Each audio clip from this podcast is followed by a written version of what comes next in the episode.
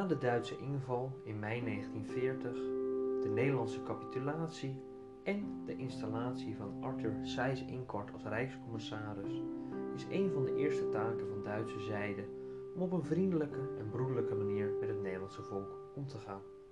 De Nederlanders moeten, zoals gezegd, voor de Duitse zaak gewonnen worden. Een van de manieren waarop ze dat proberen te bewerkstelligen is het uitzenden van Nederlandse kinderen gezondheid en vermaak naar het buitenland.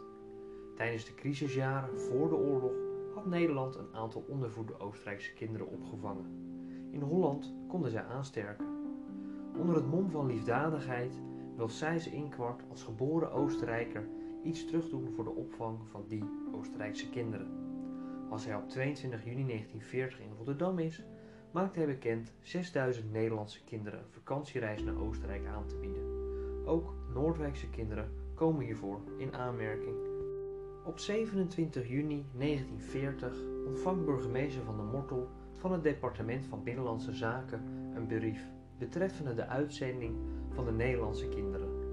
Hierin staat de uitnodiging van August Eygruber, gauwleiter van Oberdonau, om in het kader van de Kinderaktion Nederlanden Ostmark Nederlandse kinderen naar herstellingsorde in de bergen te sturen. Het betreft kinderen in de leeftijd van 8 tot 14 jaar, voor wie herstel van de gezondheid noodzakelijk of wenselijk is. Aan Van der Mortel de vraag om binnen de gemeente Noordwijk opgave te doen van het aantal kinderen dat in aanmerking komt, Joodse kinderen echter uitgesloten. De waarnemend secretaris-generaal van Binnenlandse Zaken voegt daaraan nog toe: Ik leg er de nadruk op dat de uitsluitende bedoeling van deze uitzending is leed te verzachten en de kinderen door een goede verzorging, verpleging en luchtverandering een prettige en rustige vakantie in een heerlijke natuur te laten genieten. Natuurlijk zit er een dubbele boodschap aan. Het Nederlandse volk moet zien dat de Duitsers enkel goeds in de zin hebben. De uitnodiging wordt door middel van aanplakking van affiches in Noordwijk en door opname in de lokale krant De Noordwijker onder de Noordwijkse gezinnen verspreid.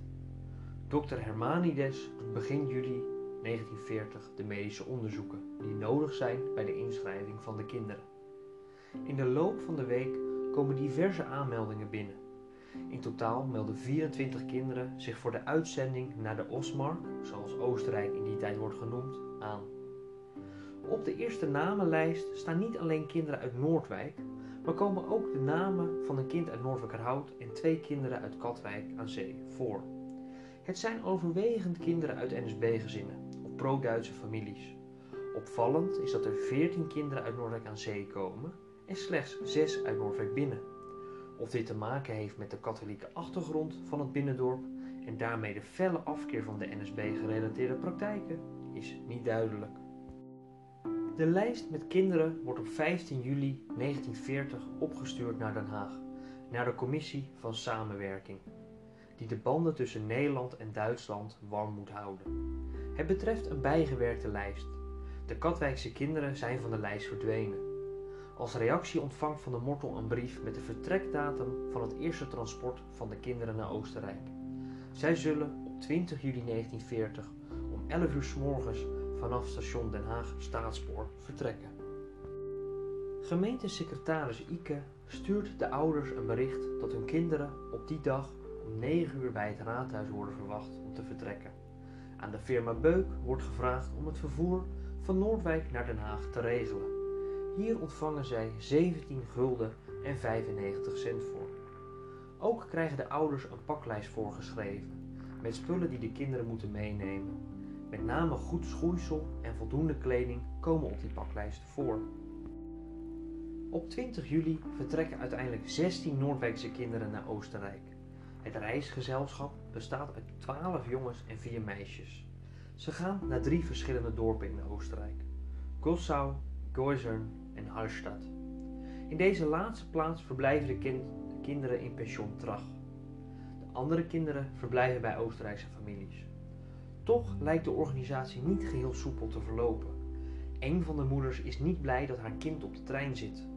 Tegen de wil van zijn moeder is hij toch vertrokken. Zij probeert zelfs nog naar Utrecht af te reizen om het kind van de trein af te halen. In latere correspondentie van burgemeester Van der Mortel wordt het niet duidelijk of het ook daadwerkelijk gelukt is. Ook gaan er van de aangemelde kinderen op het laatste moment twee niet mee. Een van de meisjes heeft namelijk een blinde darmontsteking opgelopen en moet geopereerd worden. Op 4 augustus zou zij alsnog naar Oostenrijk vertrekken. Zij wordt dan door haar moeder naar Den Haag gebracht. Het verblijf in Oostenrijk is goed, maar toch zijn er kleine spanningen. Sommige kinderen willen na enkele dagen al naar huis. Mede door de correspondentie met het thuisfront wordt die heimwee aangewakkerd. Om de ongerustheid bij de ouders weg te nemen, stuurt de commissie Samenwerking in overeenkomst met de Kinderactie Nederlanden Osmark door bemiddeling van de burgemeester een brief naar de ouders. Daarin staat: De Duitse en ook de Nederlandse instantie wijzen er nadrukkelijk op dat er voor enige ongerustheid niet de minste aanleiding bestaat. Natuurlijk moet een kind aan een nieuwe omgeving wennen. Dat kost korte tijd. Men noemt een dergelijke toestand zeer ten onrechte heimwee. Daarnaast wordt de ouders ook verzocht om geen levensmiddelen naar de kinderen te sturen. De kinderen hebben daarvan namelijk in overvloed. Maar de Duitse instantie heeft geen bezwaar tegen het sturen van kleine pakketjes met versnaperingen.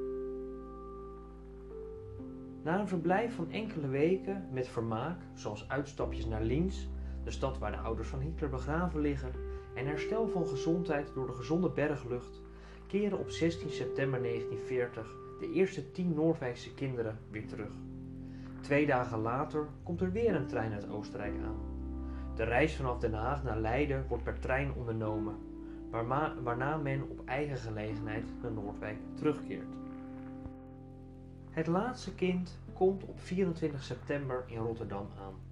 De commissie Samenwerking meldt hierop aan burgemeester Van der Mortel dat alle Nederlandse kinderen uit de Osmark langzaam terugkeren.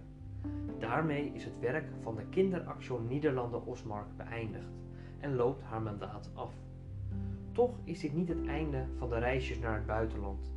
In oktober 1941 is er vanuit een samenwerking tussen de Winterhulp Nederland en de, de Nederlandse Volksdienst wederom een reis, ditmaal naar Zuid-Duitsland. Omdat het aantal aanvragen volgens de organisatie de vraag overschrijdt, kunnen er maar 9 Noordwijkse kinderen mee.